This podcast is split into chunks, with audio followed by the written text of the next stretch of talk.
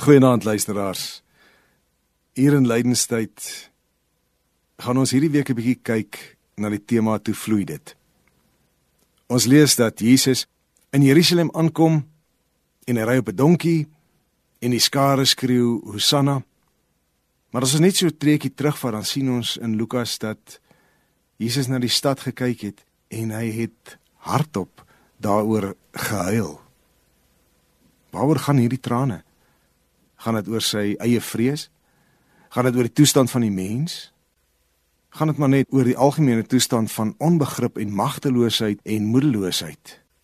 Wanneer Jesus voor Jerusalem staan, dan begin God se wonderlike plan vir die redding en die verlossing van die mens eintlik daar. En daar begin die dinge vloei.